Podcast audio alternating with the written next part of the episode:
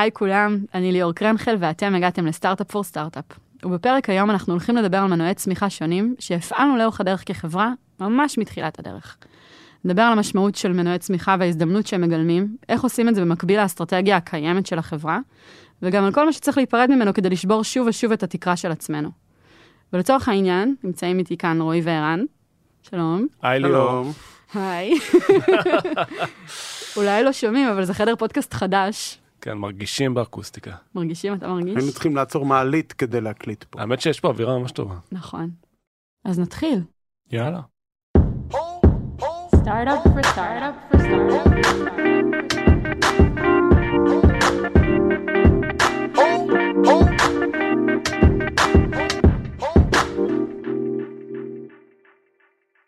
החשיבה הזאת על מנועי צמיחה מלווה אותנו כבר שנים, גם בסבבי גיוס, גם בישיבות board וגם בדרך שבה אתם מובילים את החברה, ורואים ממש לאחרונה ב offsite השנתי שלנו, פתחת את הסשן המרכזי באמירה, אם נמשיך לעשות בדיוק את מה שעשינו עד עכשיו, נגיע להכנסות של מיליארד דולר, אבל לא בהכרח נגיע לעשרה מיליארד.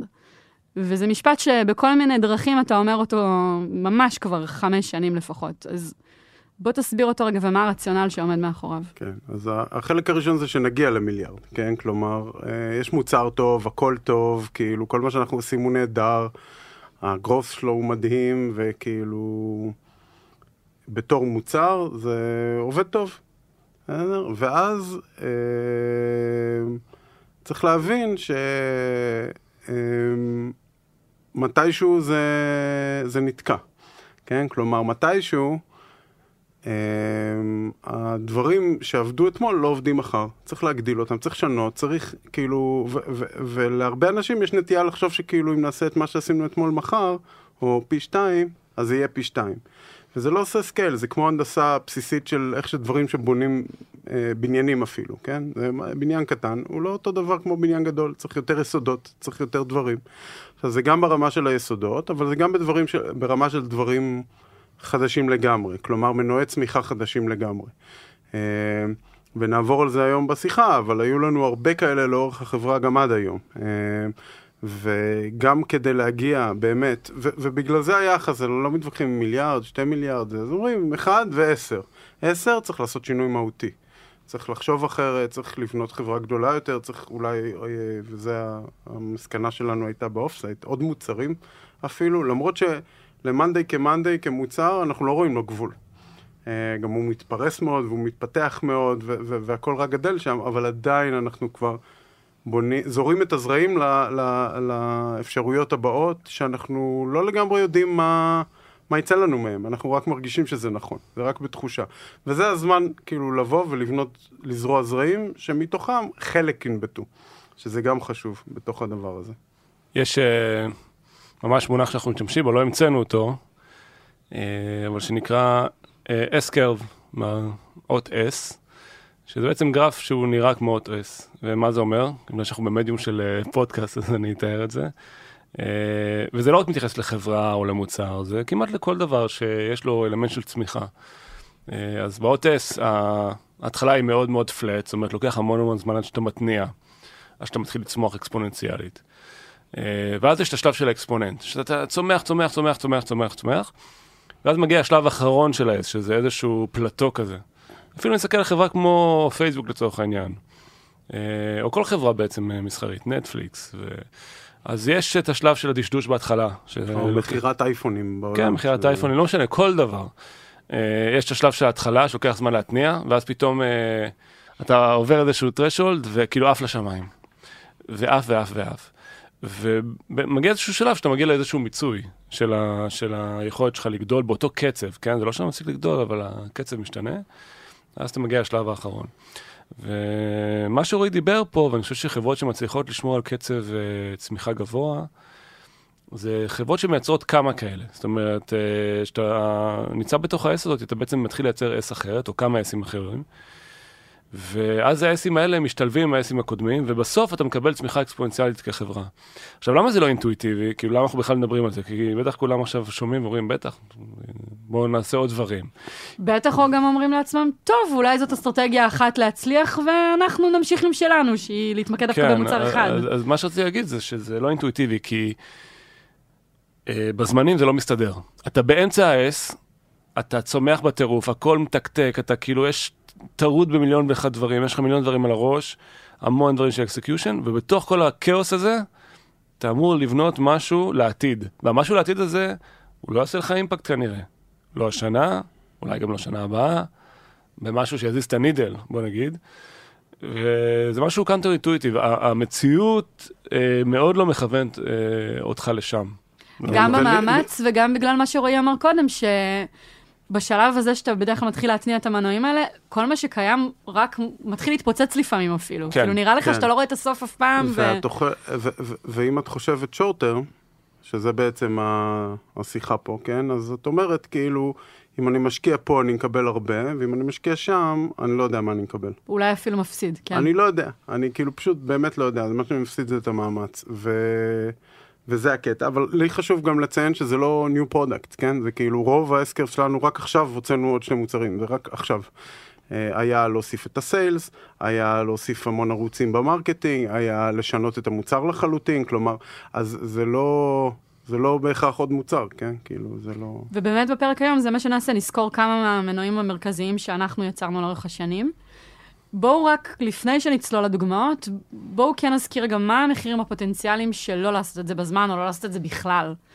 אה, אז, אז יש לי דוגמה טובה שאבישי נתן לי פעם. אבישי מוויקס. אבישי מוויקס, כן, המנכ"ל של וויקס. אז הוא הביא דוגמה ל product, הוא אמר ככה, יש אה, משהו שכולם מכירים, שזה כזה, איך בונים מכונית, כן? אז אה, יש אה, למעלה כתוב, למעלה רואים מצויר את הגלגלים, את השאסי, את השלדה, ובסוף יש מכונית, כן? יש דוגמה למטה שהיא כאילו הדוגמה הטובה, אה, קורק, אה, סקטבורד, קורקינט, אופניים, מטוס. כלומר, זה לא קשור אחד לשני אף פעם, כן? ומה שהוא אמר לי שהיה מאוד מעניין, זה שמה שקורה בפועל, זה שלכולם יש סקטבורד, הם מתאהבים בסקטבורד, משאירים את הסקטבורד, מתחילים לשים עליו נצנצים, לשים עליו מנוע, הם נשארים בסקטבורד. אבל כדי לעבור מסקטבורד לאופניים צריך לשבור את הסקטבורד. וזה מה שקשה בתוך הסיפור הזה, כן? לוותר על מה שהיה מקודם, אה, כדי להגיע לדבר הבא שהוא הוא יותר משמעותי. זה תמיד דורש, תמיד, לוותר על דברים. בוא נגיד שנגיע לחלק ה sales, אני אגיד מה אני ויתרתי וטעיתי, כן? כאילו, אבל אולי צדקתי לשלב מסוים, אבל לא צדקתי לשלב הבא, וזו הנקודה ה- המעניינת בתוך הסיפור, שצריך להבין שכדי לעשות את הקפיצה הבאה, צריך לעשות שינוי שהוא לפעמים כואב. ולפעמים סותר את כל מה שהאמנת בו דקה קודם. גם להיפרד מ- מאמירות שנשמעו אני מאוד... אפילו אה, להגיד, זה תמיד כואב. כי אם זה לא היה כואב, היית עושה את זה כבר. ובגלל זה זה לא אינטואיטיבי. זאת אומרת, צריך ללכת נגד כן. הטבע שלך, כי אחרת היית כבר עושה את זה. אם זה היה כאילו איזושהי אבולוציה של משהו שכבר בוא נגיד, זה. בטוח נגד האינרציה שהייתה לפני זה, בדיוק. אה, שבנתה את הדבר הקודם, כן? כאילו, אז כל אלה שעושים סקטבורד, אומרים מה איתי, מה אני עושה, מה המשמעות של זה, איך זה עובד, איך זה מסתדר, ואם מוסיפים את הקורקינט על הסקטבורד, אז איך הם עובדים ביחד, מה הקשר בין... פתאום יש המון friction בדבר הזה, המון כן. המון המון. כן. וזה, רק אני אגיד עוד משהו קטן, שדיברנו עכשיו על דברים מאוד מאוד גדולים בתור S curves, אבל זה גם המון המון דברים קטנים, ויכול להיות דברים, דברים בתוך uh, צוותים. אז אנחנו ניתן את כל הדוגמאות האלה. לא נכון. רק דברים גדולים ברמת החברה. אז נראה לי שבאמת, אה, בואו רגע ניכנס לדוגמה קטנה, אחר כך דרכה נבין עוד כמה דברים, ואז נמשיך לעוד דוגמאות. ואחת הדוגמאות הראשונות בסיפור של מאנדיי, בעצם שינוי שעשינו בחשיבה על המוצר. אה, אפילו הקלטנו על זה פרק בעבר, על השישה קולומים שהיו כאן במשך תקופה מאוד ארוכה, ומה נדרש כדי להבין שבעצם משישה לא עוברים לשבעה, אלא הופכים להיות פלטפורמה. אז אני, אני יכול לתאר את הכאב שהיה באותה תקופה לפני זה, אמ, שהיה לנו כל כך אכפת מהמוצר, על כל פיקסל ישבנו שם ודיברנו שעות והבנו מה יהיה המשמעות שלו ושאנשים יאהבו את זה וזה, ו, אה, וגם התשתית עצמה אה, לא אפשרה להוסיף אה, עוד עמודה במהירות. כלומר, היה צריך לחשוב על זה ולקחת איזה חודשיים או הרבה זמן, כי היו המון אספקטים שהיו קשורים אחד לשני. ובסוף ראינו אה, איזה מתחרה אחד שבא ושם אה, 12 קולומים, או לא יודע כמה היה להם, 15, משהו כאילו... עכשיו, זה היה סתם תירוץ, כי כאילו רוב הקולומים שלהם זה היה פחות קולומים שהם אה, מידלו אותם, אבל זה עצבן אותנו. אה, ואז מתוך זה שממש נמאס לנו מזה, ככה זה עזר לנו לגייס את כולם, וכולם הבינו שכולם, זה גם מעצבן אותם. אה, ואני זוכר איזה פגישה שהייתה לנו ברוטשילד שם באיזה כזה מקום שעושים בו אוף סייטים.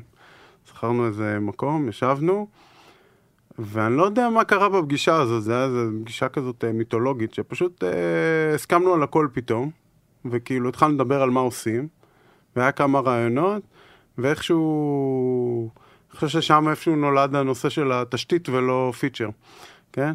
אמרנו יאללה חייבים לעשות את זה, ופשוט מאותו רגע, יום אחרי זה, זה כאילו כמו איזה קסם כזה, כל הצ'קרות נפתחו, כאילו יאללה, אמרנו אנחנו עושים את זה, וכאילו שחררנו משהו. אה, והיה לנו המון פחדים, רגע, מה נעשה את זה מהר, ומה עם ההשלכות של כל איך שעשינו עד אותו רגע, וכמה שאכפת לנו, וזה יהיה סתם מלא, וזה אמרנו יאללה, לא משנה.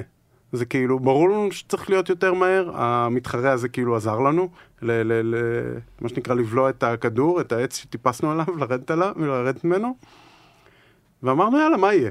כאילו, מה כבר יהיה? יהיה מלא קולומים? כאילו, בסדר, נראה מה יהיה. בואי ורגע, אני אחדד. וזו נקודה חשובה. כן. אני אחדד רגע, העץ הזה שאתה אומר שטיפסנו עליו, היה של ממש לנסות לדייק מה יהיה הקולום השביעי, מה יהיה הפיצ'ר הבא. ואז מרוב חשיבה על, על מה הבא, כלום לא קרה, כי היה קשה להחליט מה הדבר המרכזי הבא, והשינוי היה, רק אני זה, שתוך שלושה ימים של האקתון, כמה היו בסוף? כן, זה בדיוק אה, זה. אז אה, עברנו, מ... אז היה איזה, לכמה הגענו? ל... 20, 15? משהו כזה, כן. ביום. ממש. כאילו, עשינו, אה, טל בנה תשתית אה, לדבר הזה, הדרכנו את כולם, כל ה-R&D עבד... אה, אפילו אני בניתי קולום. איזה column? location. location column, נכון. עד היום אה, יאללה. קיים. זה היה גם האקתון, אגב, של כל החברה, כי גם אני זוכרת שהיה ב customer success כתבו לזה את, ה, את ההסברים שהיה צריך, וב design עיצבו את זה, היה מין האקתון כזה שכולם בעצם עצרו, וכמו שאתה אומר, במקום לחשוב על הבא, חשבו על השמונה הבאים. אה, וזה הכוח של לשחרר משהו, כי כאילו מאחד בחודשיים, שגם לא עשינו אותו, אה, עברנו ל-15 ביום. אז אה, כאילו, ואז זה הביא לנו תאבון. אני חושב ששם אנחנו הבנו שזה הסדר גודל של השינוי שאנחנו יכולים לחולל מהר. אה, ומאז חיפשנו כאילו את הדברים מהסוג הזה של איפה אנחנו תקועים ומה יכול להיות שינוי. לא כולם כאילו היו כאלה קיצוניים ביום, כן? כאילו כמו לבנות את הסיילס, זה לא קרה ביום. אבל, אבל שחררנו יותר. ערן, אולי רגע תספר גם מה השינוי התפיסתי הזה עשה למוצר, כדי רגע לה, להסביר לאן זה התפתח משם. כן, זה, זה משהו שממש לקח אותנו ל trajectory אחר, כי זה שינה לנו את צורת החשיבה, ורועי הזכיר שעשינו את זה לקולומים בתור התחלה, אבל אחר כך גם את כל השכבות הנוספות במוצר, ה-views ו- וה dashboard והמון דברים אחרים שעשינו, בעצם לקחנו את אותה תפיסה והכלנו אותה למקומות האלה. אז אני ממש אה, זוכר את אותו נקודה פיבוטלית שלקחה אותנו למסע כאילו אחר בצורה שעבדנו. ואם תשאלי אותי, כאילו, אם אני צריך להסתכל אחורה ולהגיד מה ה S curve שיצרנו שם בעצם, אז זה לא ה column store, זה ה stores בכלל. כלומר, אנחנו מאותו רגע, אני חושב, במשך שנתיים אמרנו תשתית, תשתית, תשתית, בואו נמשיך לבנות תשתית, אנחנו רוצים, ולראיה, אה, אני חושב שבאותו זמן, כאילו, החברה הזאת גייסה יותר כסף מאיתנו, היה להם יותר זה, אמרנו, כאילו, מה זה, אנחנו מאחורה? שנה אחרי זה, כולם אמרו לנו, אתם מובילים את הקטגוריה, זה כאילו לא, זה היה שינוי כאילו ענק לחברה, זה הקפיץ אותנו קדימה בטירוף, מאז אנחנו אומרים להם כל הזמן תודה, זה כאילו, אנחנו גם התחלנו לאהוב את זה, כאילו שהם מתחרים, אתה יודע, אם מתחרה לא יותר טוב מאיתנו, זה מעצבן אותנו, אנחנו אומרים יאללה, נו בוא, תעזור לנו, תן איזה משהו, למה אנחנו צריכים לדחוף את עצמנו מבפנים, אבל, אה, אז, אז זה גם שינוי, זה שינוי ענק ב, ב, בתפיסה כלפי חוץ. אז באמת גם בדוגמה הזאת, ה- אולי חלק מהמוטיבציה, או התירוץ, כמו שאתה אומר, לרדת מהעץ היה חיצוני, תכף ניכנס לדוגמאות שזה לגמרי הגיע מתהליכים פנימיים. אני רק אגיד שמה שאני אוהבת בדוגמה הזאת זה שהחברה הייתה מאוד צעירה. אם מישהו מקשיב עכשיו ואומר, טוב, רק כשנהיה 1,500 איש, רק ב-XARR צריך להתחיל לחשוב על האסקרב הבא. אנחנו מדברים פה על monday אה, צעירה, monday של 100 כמה עובדים, היינו בין 50 ל-100 עובדים, ואני אומרת, זה, זה השלב, וכבר שם אפשר לעשות את, ה, את, את, את. השינויים הגדולים האלה בתפיסה. אז הדוגמה הבאה היא באמת ההחלטה שלנו להקים sales ו partners. יש אנשים שעד היום מגיעים לפה אנשים מדי פעם ואומרים, אני זוכר שרועי פעם מסתכל לי בעיניים ונשבע שבחיים לא יהיה לו מחלקת sales. עד היום יש כל מיני אנשים בתעשייה נכון, שזוכרים אז- שיחות כאלה. אז אני יכול לרדת פה בדוגמה מהעץ. אבל אני חושב שזה גם עניין של uh, maturity, בסדר? כלומר, ב... בהתחלה, ממש שהתחלנו, uh, היה לנו ממש חשוב, ה vision היה שאנשים יאהבו את המוצר. שאנשים יאהבו להשתמש בו. עכשיו, מה קורה כשיש איש sales? הוא מסביר ללקוח את כל הבעיות שיש במוצר ואיך לעקוף אותם, ואז הוא יודע, ואז אין בעיה, כן? אז הוא, הוא בעצם, אנחנו לא נחשפים לבעיות, אנחנו, אז המוצר הוא נהיה טוב יחד עם האיש סיילס. והבנו את זה, היה לנו הבנה מאוד עמוקה של הדבר הזה, ואמרנו, אנחנו לא רוצים את זה, אנחנו רוצים שאנשים יצליחו לאמץ אותו לבד. בסדר? אם נביא לפה סיילס, הוא גם ידחוף את זה קדימה, הוא גם, אה, אה, אנחנו לא נבין מה הבעיות במוצר בהתחלה. ומתישהו הדבר הזה לא נהיה נכון, זה, זה הקטע. אז אני משכתי את זה ככל שיכלתי. אה, הנה ערן יוסיף, אבל כן. אה, הייתי צריך לרדת מהעץ מתישהו. אני חושב שזו דוגמה ממש טובה, אה, כי כאילו אני מקשיב ולנו מספרים על הדוגמה הראשונה של, ה, של הקולומים, ושוב, זה היה נקודת מפנה מאוד מאוד משמעותית בחיי החברה, אבל יחסית זה היה קל. כי הגענו למשבר, בסדר? והבנו שדברים לא עובדים, והבנו שאנחנו לא בקצב, אז קיבלנו פטיש לראש. בסדר? כשאתה מקבל פטיש לראש, לעשות אסקרף חדש, זה survival. מה שנקרא, תודה רבה למי שנתן לי את הפטיש כן, בראש. כן, זה מוד של survival. אנשים שמגיעים למוד של survival, טובים ול... כאילו, שוב, מה זה survival? לא אני אתן לנו טיפה יותר קרדיט. כן, בדיוק. זה לא היה לא, כזה. נכון. אנחנו גם יצרנו את זה בעצמנו, כי נכון, רצינו נכון, כאילו, אבל זה לא היה מאוד ברור. זה היה ברור. כן. ואתה אומר, אם, אם יזם יחכה ליום שזה כל כך ברור, אז זה, זה לא הדרך הטובה לבחור לעבוד עם זה. אפשר להגיד שזה היה גורם חיצוני, וזה לא דרך להתקדם קדימה, אם את כל הזמן דרך, מחכה אבל... למישהו בחוץ שידחוף אותך קדימה.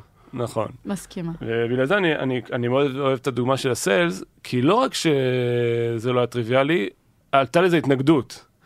בסדר? זה כאילו, זה האתגר פה. זה כאילו צריך להשקיע אינסוף אנרגיה. אה, אז כאילו, מה שרועי סיפר מקודם זה סיפור נחמד, כן? על ה... זה, על האיש מכירות וזה, זה כאילו דרך לתרץ לעצמנו ולעשות reverse engineering, אבל בתכלס, כאילו, לא הבנו בזה כלום. פחדנו מזה, אותגרנו מזה, וזה לא היה לנו ברור ופשוט, ואהבנו product, כאילו, אז... Uh... שנקרא, סיפור יפה לספר לנכדים, אבל זה... בסדר, הוא גם היה נכון בהתחלה. כן. זה, זה, בהתחלה הוא היה נכון, אחרי זה המשכנו להידבק אליו, אבל כאילו כבר משהו אחר לא היה נכון כן. שלא רצינו לבנות את ה sales. כן. כן. בסדר? אבל אה, בוא נגיד, ב-day one שהתחלנו, זה היה הסיבה.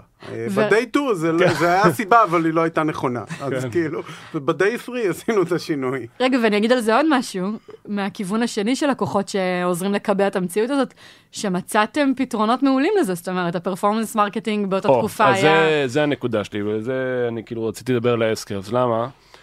כשאנחנו התחלנו את ה sales לפני ארבע שנים נגיד, החברה הייתה בתחילת ה S-curves.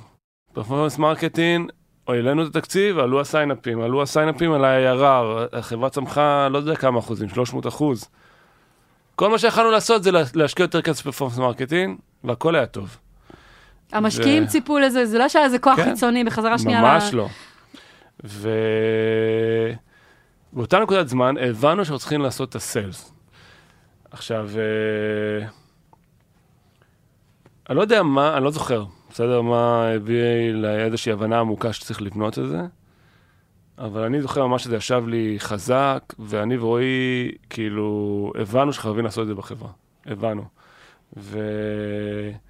אנחנו הצגנו את זה לבורד, כי זה לא שהבורד בא ואמר, צריך לעשות סיילס, אנחנו אמרנו לו, תקשיב, אנחנו רוצים, אמרנו לבורד, אנחנו רוצים לבנות פה ארגון מכירות כאילו מסיבי בחברה. ו... תשמע, זה גם לא היה פשוט uh, בינינו. אחרי זה אני אקח גם uh, אסקרף שאני לא זיהיתי, אבל uh, כאילו, אתה יודע, גם, גם אני זוכר שהרבה פעמים אני ואתה התווכחנו, כאילו, כן, אתה כן, לא, לא אהבת את זה בהתחלה. המקום שאני לקחתי, זה המקום שאמרתי עם המוצר, ו... כאילו הייתי בתקופה הזאת, ראיתי את הבעיות. הם היו, נתקלנו גם בכל הבעיות האלה, אבל במקום לרצות לפתור אותם, אמרתי שכאילו... התחפרת עוד יותר כן, בסיפור. כן, אהבתי את הבעיות, אז כאילו, וזה היה העניין. ואני חושב שנתקלנו בהמון בעיות, אם אנחנו עכשיו נתחיל לספור את הבעיות שלנו עם ה sales, וה performance marketing ביחד, ואיך זה לא עושה קניבליזציה, ואיך מודדים את זה, ומה הדוגמאות שלנו בתור חברות, ואיך אפשר לבנות חברה אחרת שהיא עדיין אוהבת את ה... no touch וכאילו גם sales, שזה לא היה טריוויאלי ולא היו לנו דוגמאות אז. אז כאילו, זה היה חששות אמיתיים, אבל, אבל כאילו, לא רציתי את זה. אבל המורכבות פה יותר עמוקה, למה? כי תראי לך אה, שיש מלא עובדים בחברה, R&D, product, designers, שבמשך שנים שומעים אותי ואת רועי אומרים שאנחנו לא רוצים sales. אז מה קורה עם הזמן? מתחילים להאמין לזה. עכשיו אתה פתאום בא ואתה אומר, אני רוצה לעשות sales. ואז פתאום אתה מקבל התנגדויות מבפנים. כאילו, רגע, מה, אנחנו נהרוס את המוצר, הוא כבר לא יהיה טוב, הוא כבר לא יהיה no touch, מיליון ואחת חששות. כל מה שאתה סיפרת להם. בדיוק. אקו של הדברים האלה. אתה פתאום מוצא לעצמך שצריך להילחם בארגון בשביל לקדם יוזמה בתוך הארגון. וללכת עם המון אנרגיה שיגרום לזה לקלוט, בשביל משהו שלא יעשה כלום, אפס אימפקט השנה ושנה הבאה, והוא שאולי בכלל ייכשל. בסדר? אז ערן, איך אתם מחליטים, ותקחו רגע לחשוב, כי בתוך כל הדבר הזה, מאוד קל לעצור, ומה שנקרא, כולם היו תומכים, אם הייתם עוצרים, בדקנו, לא צריך להקים פה ארגון מכירות, איך אתם מחליטים באותו זמן להשקיע את כל מה שנדרש בשביל כן לפתוח את המנוע צמיחה החדש אז, הזה. אז פה זה הגישה שלנו הכללית, זה כל מה שנדרש זה לא הרבה, זה להתחיל, בסדר? זה לזרוע את הזרע ולראות איך הוא מתקדם, בסדר?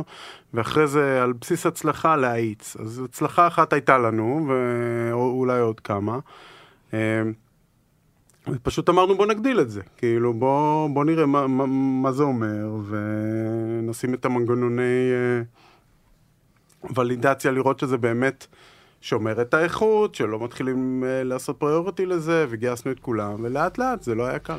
זה דוגמה למשהו שלא השתנה ביום. אני חושב שנפלו לנו עוד כמה אסימונים, כי שוב, קשה, קשה נורא להיכנס ל mindset של אותה תקופה, כי זה לפני הרבה זמן, והיום הכל נראה לי נורא נורא טריוויאלי.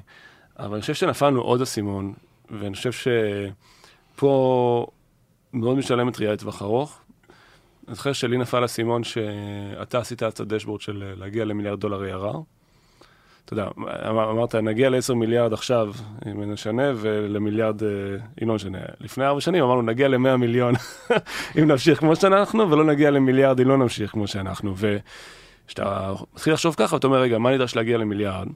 ואז אתה אומר, טוב, אני אמשיך לעשות performance marketing, אז אני אעשה פי 2 performance marketing, אני אעשה פי 3 performance marketing, ואז אתה מבין, רגע, כמה לקוחות אני צריך להביא בשביל fucking להגיע למיליארד, כאילו זה מלא לקוחות, כמה כסף אני צריך לעשות ב performance marketing, ופתאום אתה אומר, רגע, אני לא יכול להמשיך כמו שאני ממשיך. ואז פתאום זה הופך להיות ממשהו כזה של, אני עכשיו בטירוף ובשיא הצמיחה, למשהו של, הדבר הזה הולך לתקוע אותי. עוד כמה שנים. וגם הסתכלנו על כל החברות שכן הגיעו למספרים האלה, לכול... guess what. הם לא מטומטמים. אז כן. אמרנו, בסדר, אנחנו, יש פה גם משהו, אני חושב שבנקודה הזאת, שאמרנו אנחנו לא מבינים אותו, אנחנו לא מכירים אותו, אבל אנחנו צריכים לעשות אותו. ערן, כמה שנים קדימה מסתכלים? חמש, עשר, שנה? אה, כדי להפעיל את המנגנון הזה שדיברת עליו עכשיו, כן, של כן. לזהות את ה- את התקרה כשהיא עוד לא פה. תשמעי, אני חושב ש... תראה, אני ורועי, לא חושב שאנחנו מסוגלים להסתכל עשר שנים קדימה, חמש בלחץ, אבל uh, בדרך כלל מספיק, אם אתה באפגרוף, מספיק שנתיים שלוש בשביל להיתקע בקיר. אבל גם אה, אני לא חושב שזה עניין של זמן, שימי יעד שהוא פי עשר יותר גדול, ותעשי working backwards לזה, עזבי את הזמן. כן. וזה, וזה אולי כאילו נקודה ששווה ככה שנכניס בין הסיפורים, שאנחנו ממש התמכרנו לזה. זאת אומרת, אנחנו הבנו שזה לא משהו שמדי פעם צץ איזושהי יוזמה, זה משהו שהחברה צריכה לעשות כל הזמן באופן רפטטיבי. וממש בנינו את החברה ואת הצורה שאנחנו חושבים על החברה אה, בשביל לאלץ את הדבר הזה. אז אתה אומר, אוקיי, אז יש את הדבר הזה שאני אומר, אני רוצה לעשות פי עשר. אבל יש גם יוזמות קצת יותר קטנות, בסדר? איך אתה גורם ל marketing אה, לחשוב על דרכים חדשות לעשות marketing? איך אתה גורם ל-R&D לחשוב על דברים, לייצר S-curves בתוך העולם שלהם? ופה, שאנחנו ממש אה, בונים את החברה וממדלים אותה בצורה כזאת, כדי להכריח את עצמנו לחשוב בצורה הזאת. מה זה אומר? כשאנחנו באים לשנה מסוימת ורוצים לקבוע יעדים, אז יש שני דברים שאנחנו עושים בשביל לייצר סיטואציה שהחברה מייצרת S-curves חדשים. אחד, זה שאנחנו בונים תקציב מלמטה למעלה. זאת אומרת, יושבים עם כל המנהלים ואומרים, אוקיי, נגדיל ככה, נעשה ככה, נגדיל performance marketing, נגדיל sales, ויוצא לך מספר X. ואנחנו אומרים, בוא נעשה 150 אחוז X נגיד, בתור יעד. אז אם נגיד אה, עשינו כזה תקציב bottom-up, ויצא לנו שהשנה, סתם אני זורק מספר, שלא יהיה קשור למציאות, נגיע ל-200 מיליון, ואנחנו אומרים, בוא נעשה חברה משוגעת. מה צריך שיגיע ל-300 מיליון דולר ARR סוף שנה.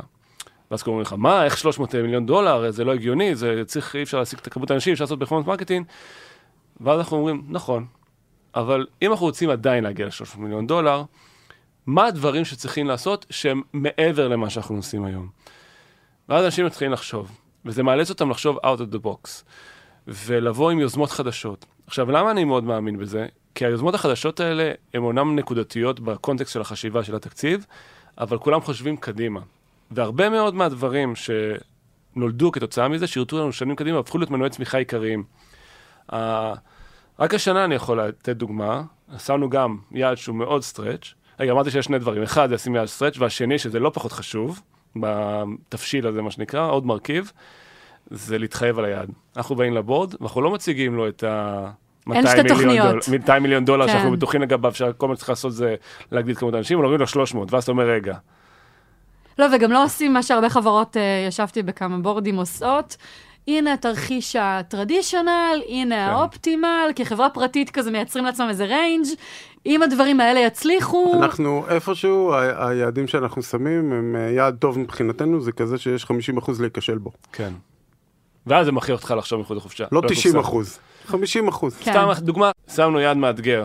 אז בא יוני שהוא ה-VP marketing, אמר, טוב, נרים יוזמה חדשה, Outbound, מה זה Outbound? cold calling לקוחות. עכשיו, אה, זה מה שלא עשינו עד היום. יכלנו להמשיך את החברה עד למיליארד דולר בלי לעשות את זה. אבל אתה מסתכל החוצה, הנה, דוגמה שהוא רואה, אתה רואה מלא חברות עושות כן. את זה. והוא אומר, השנה זה הביא לנו, לא יודע, 3 מיליון דולר. מה זה 3 מיליון דולר לתוך הרבניו שלנו? אפס. אבל אולי שנה אחרי זה זה יעשה 20, שנה אחר כך זה יעשה 50. יש חברות שזה הקול שלהם. בדיוק. וזה הנקודה. עכשיו, אני רוצה לחדד כמה מהדברים שאמרת, כאילו... בדרך כלל, וזה נוגע לנקודה שאמרתי, מסתכלים על העבר וממנו גוזרים את העתיד. זה הבעיה פה. כשבונים תקציב bottom-up, אז uh, סתם, ל marketing uh, מגדילים ב-X שהוא הגיוני להגדיל את ה performance marketing, ב sales מגדילים uh, זה, ואז דוחפים הכי חזק שיש ומגדילים קווטות של אנשים וכמה נגייס, ולוקחים את הכל קדימה, ואז מגיעים למספר שהוא נראה בלתי אפשרי, או, או stretch מטורף. ואז עליו אנחנו שמים עוד את ה... וזה ה-200, ואז שמים על זה את ה-300, זה נראה כאילו אומרים, מה, אתם רוצים שנהרוג את האנשים והם גם לא יגיעו לזה? זה לא הגיוני. אומרים, כן, עם מה שעשינו בעבר. וזה הפואנטה. אז לשים יעד, הדרך, גם ב performance marketing, back in the day, אה, וגם היום, אנחנו... אני לא אוהב לשים יעדים שהם 10% אה, כל חודש, או 5% כל, או משהו שהוא אינקרמנטלי פשוט. למה? כי תמיד קל להגדיל ב-10% את ה performance marketing, בסדר? כאילו לא קל, זה יוצא לא טוב וזה, אבל זה כאילו הפתרון המתבקש. הפשוט, כן. אבל אם אומרים פי שתיים בחודש, שזה, עשינו את זה כמה פעמים, עשינו את זה בכמה שנים, כמה פעמים, אה, זה, אני, זה עושה שתי דברים, בסדר? ואני חושב שזה גם חשוב בתוך הקוקטייל. אחד, זה אומר לאנשים, תשמעו, זה לא הגיוני שאפשר לצפות מכם לעשות את זה. הרי יש הרבה פעמים את הקטע הזה של תתחייב לי שזה מה שיהיה. ואז אני תמיד אקח אחורה, כי כאילו אני לא יכול להתחייב. ל- ליד כזה אף אחד לא הגיוני שיבקש להתחייב איתו. כן. ואז קורה משהו נהדר אם מנהלים את זה נכון, שזה נהיה חיובי. יאללה, אין לי סיכוי לעמוד בזה גם ככה. יאללה, בוא נעשה את זה, פתאום משחרר, משחרר את הראש. אנשים חושבים גם... על דברים יצירתיים, מנסים לחשוב מחוץ לקופסה, למה? כי הם לא חושבים שהם יהיו לא בסדר אם לא יצליחו. כן. וגם אני חושבת, רועי, שזה פונה, זה מפעיל אזורים אחרים במוח. כאילו, המקום הזה של אינרציה שאנחנו מדברים עליו הרבה, גם לחברה יש אינרציה, גם לבני אדם. אם אתה אומר לי, תעשי אותו דבר, רק טיפה יותר מהר, רק תגבירי קצת את הקצב, את הווליום וזה, אני, המוח שלו נכנס לאוטומט, כי כבר עשיתי את זה, אני יודעת מה אני צריכה לעשות. אני טיפה, גם אם אני לא שם לב, נהיית מטושטשת. זה קצת כמו להעביר את הפודקאסט אה, מחדר לחדר, פתאום כזה סביבה חדשה, שמים לב לכל מיני דברים בחדר, וכשאתה בא ונותן לי יד בלתי אפשרי, פתאום, כמו שאמרת, אזורי היצירת...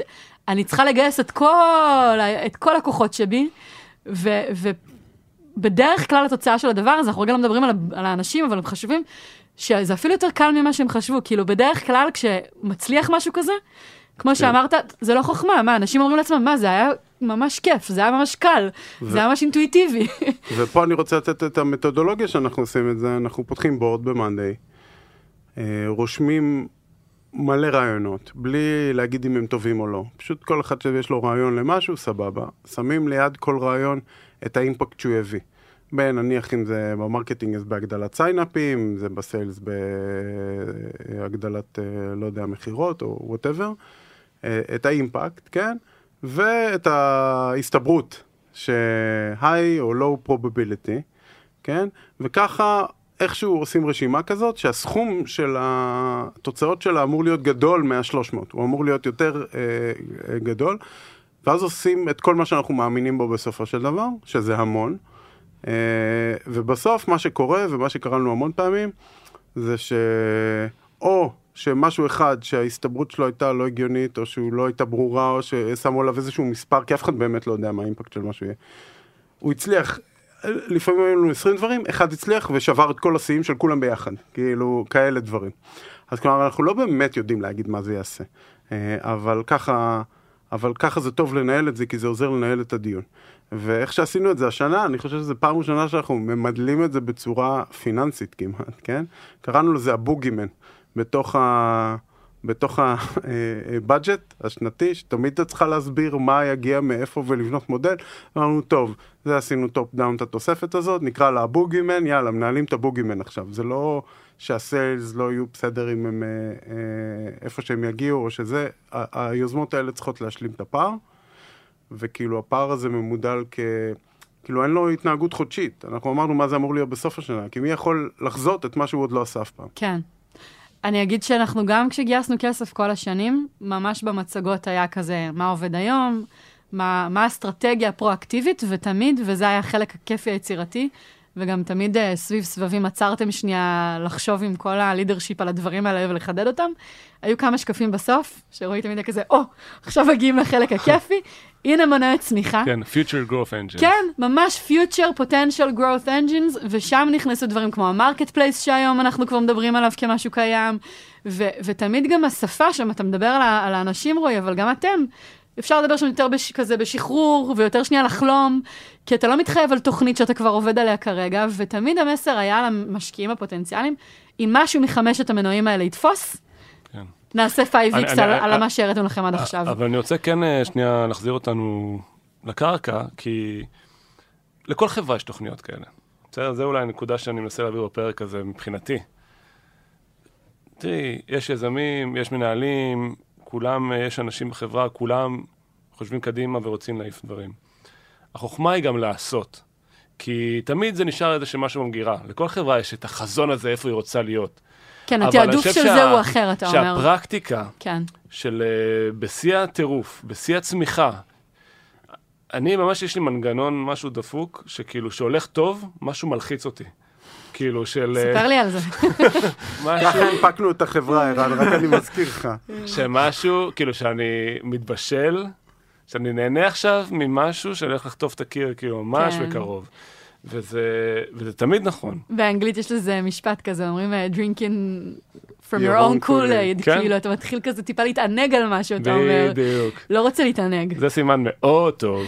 ובעצם רגע, אני, אני שנייה אפרמל את מה שאתה אומר, אתה אומר איך אנחנו מייצרים sense of urgency על הדבר בדיוק. הזה, כדי שהוא לא יישאר תוכנית מגירה ב off-site, אלא יהפוך להיות פרקטיקה יומיומית. כן, וזה לא ש... ומה שבאתי גם להסביר קודם על ה sales וכולי, זה לא שלא ארגון בא, וואו, איך רצינו לעשות יוזמה חדשה, זה בא לנו ממש טוב עכשיו, היה לנו איזה ארבעה מתכנתים שלנו מה לעשות איתם, ואנחנו נשמח כאילו להקדיש אותם לדבר. להפך, אין מתכנתים לא, כרגע שיושבים כן. על הגדר. לא יודע אם זה עובר פה בפודקאסט, כן, אבל כן. כאילו כן, לא, אתה חוטף התנגדות. בואו רגע באמת אה, נתייחס לזה, מגייסים אנשים על כל יוזמה חדשה כזאת, איך, איך עובדים עם זה בשטח? טוב, זה, זה מעניין.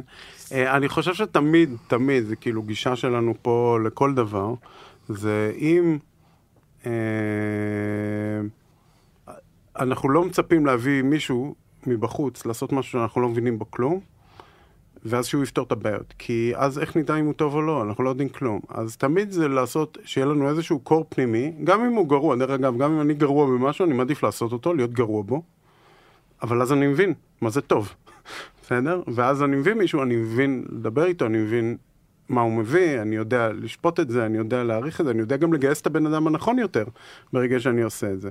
אני יכול לספר על עוד דוגמה. כן. כי מקודם, אה, אמרתי שאורי קצת הקשה עליי אה, עם הסיילס. אבל אני גם אקח אחד לעצמי. יאללה, פרה קדושה שאתה צריך להיפרד. אה. רועי כבר ארבע שנים, חמש שנים, חופר. שהוא רוצה, חושב שצריך לעשות עוד מוצרים, חוץ ממאנדי. אה, מה זה חופר? עם כפית, עם מברשת שיניים הוא חופר, כאילו... מברזל. אה? כן. אה, ותשמעי, אני התנגדתי לזה המון, לא התנגדתי, אבל זה תמיד לא היה נראה לי זמן טוב. כאילו, כל שנה היה כל כך הרבה דברים, וכאילו עוד מנועי צמיחה, והרגשתי שלא מיצינו. קצת מה שאמרנו על רועי, היה לך איזה פחד, כן. וסיפרת לעצמך שזה לא הזמן טוב. כן, עכשיו, אה, אז השנה, את יודעת, זה קרה, ואני גם כאילו מאוד דוחף את זה, ואני עם רועי, כאילו, וכולם, כל הארגון פה. מה השתנה? אה, תראה, זו שאלה טובה. זה כאילו ניתוח לאחור של הפסיכולוגיה, כן? נכון. אבל אני חושב שזיהיתי תמיד ש... מצאתי הזדמנויות יותר טובות במוצר. כאילו, הרמה של הסיילסטים, מה שעשינו, הרגשתי שה product עדיין לא שם. אה, אבל יכול להיות שגם היום, כאילו, יש עוד מיליון דברים שאפשר לעשות. אבל אז ממש הרגשתי את זה בעצמות. ואני חושב שעוד משהו שהשתנה, זה שעשינו איזשהו תהליך, שהבנו יותר טוב את הרציונל מאחורי זה, לפחות לי זה נתן איזשהו ביטחון, וגם עשינו הרבה, שזה עוד משהו. כאילו, ואולי זו נקודה גם שצריך אה, להתעכב עליה, כאילו לא אמרנו נעשה אחד, אלא אמרנו נעשה חמש, סתם לצורך העניין. לא שאני מתחייב פה לחמש, אבל כאילו נעשה הרבה. ומשהו בהרבה קצת משחרר. כי זה לא לשים את כל הז'וטונים על משהו אחד, וזה כאילו קצת מקליל את ה... את המהלך. כן. כן. אה, וגם אני מרגיש עכשיו שכמו אז עם הקולומים, כאילו זו התחושה שלי. פתאום כאילו, אני מסתובב פה מאושר, כאילו, כי, כי זה בדיוק מה שערן אמר, זה נהיה כאילו ממשהו שלא עושים למשהו ש... שקל לעשות אותו. הוא ב-DNA שלנו וזה קל, כן, כאילו, וזה...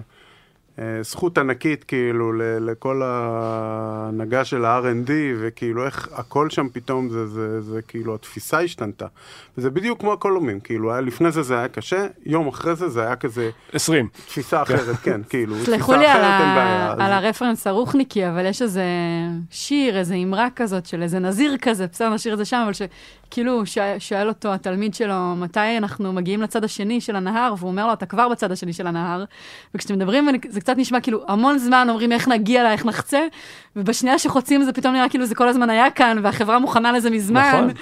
כן וזה- אני לא אני מרגיש שזה חדש בואי אבל אבל כאילו, אמרת, בתוך אבל- שנייה הכל כזה, זה אבל קורה, וזה באוויר. בקצב מאוד האווירה- מהר, כן כן. והאווירה כן. ו- והפחד הזה מלהניע אנשים לכיוון אחר, פתאום זה הרבה, כולם כבר שם, רק צריך שנייה להגיד את זה, ו... כן אז אולי זה גם נקודה טובה, ליאור, שיש פה הרבה mind games כאילו בדבר הזה. כאילו בסוף, אה, כאילו יש פה איזה מלכודת של יזמים, של מנהלים, של אנשים בחברה, שכאילו האינרציה שואפת אותך, העשייה, ואז מתפתחות כל מיני תיאוריות במוח. זה קשה, בעתיד, ש... רק נגייס עוד אה, 50 מתכנתים ואז נעשה את זה. הרי זה אף פעם לא נכון. מי- מישהו פעם גייס 50 מתכנתים ואז עשה את הדברים האלה? לא. פשוט צריך יום אחד לקום, דרך ולהחליט אגב, רק לעשות את אה, זה. זה המוצרים החדשים ששחררנו עכשיו אה, לא הרבה מתכנתים אה, בנו. נכון, אבל זה העניין, שני שאתה- מתכנתים בנו כל אחד מה... זה- זה- זה- אז- אז אני חושב שגם מה שאמרת שזה מקודם, גם, דרך אגב, זה גם פתרון, כן? כלומר, אנחנו לא באנו ואמרנו, טוב, אז עכשיו מקצים את כל ה... כן. מקצים את כל הזה, מחלקים את, אה, את הכל. אה, אפשר להגיד שכל המאמץ שלנו נשאר באותו מקום שהוא היה איפה שהוא צריך להיות, בסדר? פשוט אנחנו עושים גם את זה עכשיו. אז זה לא defocus, אתה אומר, זה זה חשוב לא להגיד את זה. defocus, לא הסטנו זה- כוחות, לא הזזנו זה אנשים. שקף אחר שהיה לנו ב off-site, כן? האחוזים של המאמץ שצריך כאילו, יש לנו מיליוני יוזרים שצריך אה, לקחת אותם לצעד הבא, הם מצפים לזה, זה ענק, זה ה impact המיידי והמשמעותי של החברה. אה, ואיפשהו, אני, אם אני מסתכל אחורה ללפני שזה קרה, התפיסה היא שזה ימשוך את כל הפוקוס, שכולם יתפקסו בזה, וכן, יש המון חגיגה מסביב לזה. תראו כמה אנחנו, אנחנו מדברים על זה עכשיו, כן. נניח כזה, אבל... ואז כאילו, את יודעת, המון חששות שהולכות עם זה, אז כאילו, מה זה אומר? זה יישב את כל האנרגיה, כולם ירצו לעבוד על זה, כולם זה, אבל אה, בסוף זה, זה חגיגה של כל החברה עכשיו, סביב כל כך הרבה דברים שאנחנו עושים, יש שם כאילו, זה כולם לא רק... נהנים מזה בסוף, אתה אומר. לא, לא מזה, מהכל. לא, כאילו, וגם זה מזה, רק רועי, עוד גם. האנרגיה החדשה הזאת, זה בסוף משפיע על כן, כולם. נכון. זה כאילו כן כן. דוחף את כולם קדימה. שני דברים שחשוב לי שנספיק להגיע אליהם. אחד, אנחנו מדברים פה הרבה על מנועים שהפעלנו והצליחו. חשוב כן להגיד, הזכרתם את זה בקטנה, אבל לפעמים זה לא מצליח. כן. אה, יש לנו את ה-Monday Stories שניסינו כמה פעמים להרים, אפילו לא פעם אחת, והוא לא הצליח. עכשיו אנחנו ב take שלוש. שזה איזה פרויקט כזה של לערב את הלקוחות ו- ולעזור להם לספר את הסיפורים שלהם עם monday, ויש לנו אה, מוצר ממש אה, שקראנו לו pile driver, הרגנו אותו, מה שנקרא. אז רגע, איך אתם מסתכלים על זה? מלא שאלות יש לי על זה, רק זה זה פרק, אבל דברים כמו, מתי מבינים שזה לא עובד וצריך לדעת לרדת גם מעץ של, הנה, מנוע צמיחה שלא יצמח, ואיך מספרים לעצמנו על הדברים האלה? אז, מה, אז אני חושב מה שהג- מספרים? הגישה היא אחרת, כן? היא להבין שזה לא יצליח, כן? כאילו איפשהו. כלומר, לעשות. רשימה, כן, לעשות רשימה, כמו שאמרתי, של 20 ולדעת, כאילו... 20 דברים שאנחנו מאמינים בהם, שבא לנו לעשות אותם, כן? גם כל הדברים שנכשל, שאמרת שנכשלו, היה כיף לעבוד עליהם, זה היה עם פשן והיה זה, ועשינו משהו טוב. השוק לא אהב את זה, זה לא עניין, או גילינו שהשוק שחשבנו שהוא שם הוא לא שם. אבל אה, להבין שלא תמיד אנחנו יודעים what will move the needle, כן? אה, באמת. וצריך לנסות דברים, ואחד מהם יצליח. אז זה חלק מהדרך, זה לא איזה משהו שצריך להתאבל עליו. אז אני חושב שכאילו כל עוד אנחנו מונחים אימפקט ולהבין שזה יפגוש את השוק, לא להתאהב בעשייה עצמה אלא בתוצאות, להיות מוכוון הצלחה, אז אה, מבינים את השיעורים הנכונים בזמן הנכונים, ואם אנחנו לא תולים, וזה עוד משהו שאני רואה חברות מסוימות עושות, כן? בגלל שזה כל כך קשה, שמים מלא אנשים על פרויקט אחד וזה, ואז גם קשה להודות שהוא נכשל. ומהירות פה זה קריטי, וזה אולי נקודה שאנחנו לא דיברנו עליה פה, אבל היא קשורה מאוד מאוד מאוד, זה אחד הדברים, אני חושב שדיברנו עליהם יותר מהשינוי שעשינו עכשיו, דיברנו על הספיד. כמה חשוב הספיד, כמה חשוב לדחוף דברים מהר ולראות אותם מהר. עכשיו בואו בוא ניתן את הדוגמאות, כן? את ה-work forms, מוצר ששחררנו עכשיו, פחות מחודשיים היה שם צוות של תותחים שהרים אותו. מוצר שלם שמתחרה עכשיו במוצרים אחרים. האם הוא מושלם? לא. האם הוא בחוץ? כן. האם הוא מרגיש כמו מתחרה שלהם? כן, שזה מדהים, בחודשיים. Uh, ויש את uh, נועם שהרים את פייל uh, דרייבר שנכשל, אז הוא הלך והרים את קנבס. Uh, אז זה גם חשוב, המהירות הזאת. כן, אם הוא היה עובד על זה שנתיים, זה היה פחות טוב. כן. אני כן אצטט משפט שתן כבוד לאבא שלי דווקא. הופה. פעם אמר לי משפט שנחקק אצלי. אה, הוא פשוט עבד בתעשייה אווירית, ואמר לי שאוהבים שאני מדבר על אסטרטגיה. את יודעת, מוסד אה, ממשלתי. לדבר על אסטרטגיה, כן. אהבתי, כן. בכוונה אני אומר את זה ככה. כן, ברור. אה, הוא אמר לי, תשמע, הוא אמר את זה גם שם בתעשייה אווירית, והוא אמר לי משפט שנשאר איתי, הוא אמר לי, תראה, בסוף אסטרטגיה זה לא מה שאתה מדבר, זה מה שאתה עושה. אז אתה יכול לדבר כמה שאתה רוצה על העתיד והאסטרטגיה, אבל בסוף האסטרטגיה שלך בתור חברה באמת, זה מה שאתה עושה. אז אם האסטרטגיה שלך לעשות סיילס, אז זה לא משהו שבמצגת, כאילו, שיקרה עוד שלוש שנים. זה נחמד. תעשה סיילס, כאילו, אם האסטרטגיה שלך עוד מוצרים, תעשה עוד מוצרים עכשיו. כי אחרת זה לא באמת האסטרטגיה שלך. כאילו, אם זה לא מה שאתה עושה עכשיו, זה לא באמת האסטרטגיה שלך. וזה חזק. כאילו, אני חושב שההבנה שהדברים האלה לוקח להם זמן להבשיל, מכריחה אותנו עכשיו להתמודד עם דברים אסטרטגיים. ומה שאורי אמר, על ידי זה שאתה מקטין את הלחץ, את כמות האנשים, את המורכבות, פשוט אה, ממשיך לצבור ביטחון לאורך זמן, במקום להיאחז באיזה משהו שיום אחד תעשה איזשהו פיבוט מאוד מאוד חזק. ליזם או יזמת שיושבים כרגע מקשיבים, אומרים, זה מוקדם לנו מדי, מוצאים איזה עץ לטפס עליו, וכל אחד מכם כאן הדגים עצים. מה הדבר האחד הזה שאתם רוצים להגיד להם? אני אגיד כמה דברים. אחד, אה, כאילו אנחנו מדברים על הפוזיציה שלי ושל רועי ברמת החברה, זה רלוונטי ברמה ה-VP, זה רלוונטי ברמת הגרופ לידר, זה רלוונטי ברמת ה-team לידר, בסדר? זה רק לתת קונטקסט. כל אחד ברמה שלו נופל באותם מקומות, ויש לו את הצורך ולחשוב קדימה ולחשוב על המנועי צמיחה העתידיים שלו. ושתיים, אני אגיד, אה, תכשילו את עצמכם. מה זה אומר תכשילו? שימו יעד אגרסיבי של פי 10 תוך שלוש שנים. תבינו מה נדרש, reverse engineer. שימו אה, יעד מאתגר להשנה, תבינו מה נדרש. תכשילו את עצמכם על, וככה תצליחו. ותעשו עכשיו, כי אחרת זה לא באמת האסטרטגיה שלכם. אז כל מי שמאזין עכשיו ואומר, בעתיד אני אעשה את זה, זה יהיה העתיד, עכשיו אני בטירוף, אין לי זמן, זה הזמן. זה הזמן, וכל התירוצים שאתם אומרים לעצמכם, זה הגנות. זה הזמן. זה הזמן, מקסימום, מקפלים. כן, אני, אני מאוד מתחבר למה שאתה אומר, אה, כאילו, אבל אה, זה נשמע מבחוץ כמו חוסר פוקוס, כן? הרבה פעמים, זה. זה של זה. עכשיו, תמיד שאלו אותנו על כל מה שאנחנו עושים, עכשיו אני אומר, יש דברים שהם באמת חוסר פוקוס, בסדר? זה כאילו, קשה לדעת מה, ללכת להתפזר על הרבה דברים וכאלה, אבל זה לא מה שאנחנו מדברים עליו פה, רק כדי לכ... לכוון את הדבר הזה, כלומר, זה להגיד, יש משהו אחד מוצלח, בוא נעשה עוד מוצלח. לא, בוא נעשה 20 דברים, ונשכח גם את מה שעשינו ונתפזר. אה, אז, אז למצוא את הדברים המוצלחים ושמתלהבים מהם. אני חושב שכאילו... צריך למצוא דברים שמתלהבים מהם. כן, זה טיקטוק. הבאנו פה מלא סוגים שונים של דברים וסיבות שונות של דברים שהתלהבנו מהם, אבל... או שהבנו. אה, אני חושב שזה מביא אנרגיה, זה כיף. Mm-hmm. ברגע שעושים, שעוברים את הגבול הזה, זה נהיה כיף. אז יודעים שעשינו את זה, כן? כאילו, זה... לפני זה זה כואב. יש לי גם טיפ, הרבה פעמים הדברים האלה כבר נמצאים במסדרונות, כן? הרבה דברים bottom-up קורים, כן. וזה רק לחדד הקשבה, כי כמו שאתה אומר, הרבה מה passion שקורה בשטח, ולפעמים איזה עובד או עובדת שבא ויגידו, וואו, בדיוק דיברתי עם איזה לקוח, והיה איזה insight, לפעמים זה שם מתחיל, ב insight הזה, זה משהו קטנטן, או איזה חברה שאומרת, וואי, הלוואי והייתי יכולה לבנות on top of Monday, boom marketplace. לא חייבים לשבת עכשיו באיזה off-site ideation room ולחכות שבודהה ינחית איזה תובנה, זה ממש במסדרונות. תקשיבו לאנשים סביבכם ולעצמכם. אמ, ברור. צריך לחשוב על אסקר ולעשות אותה.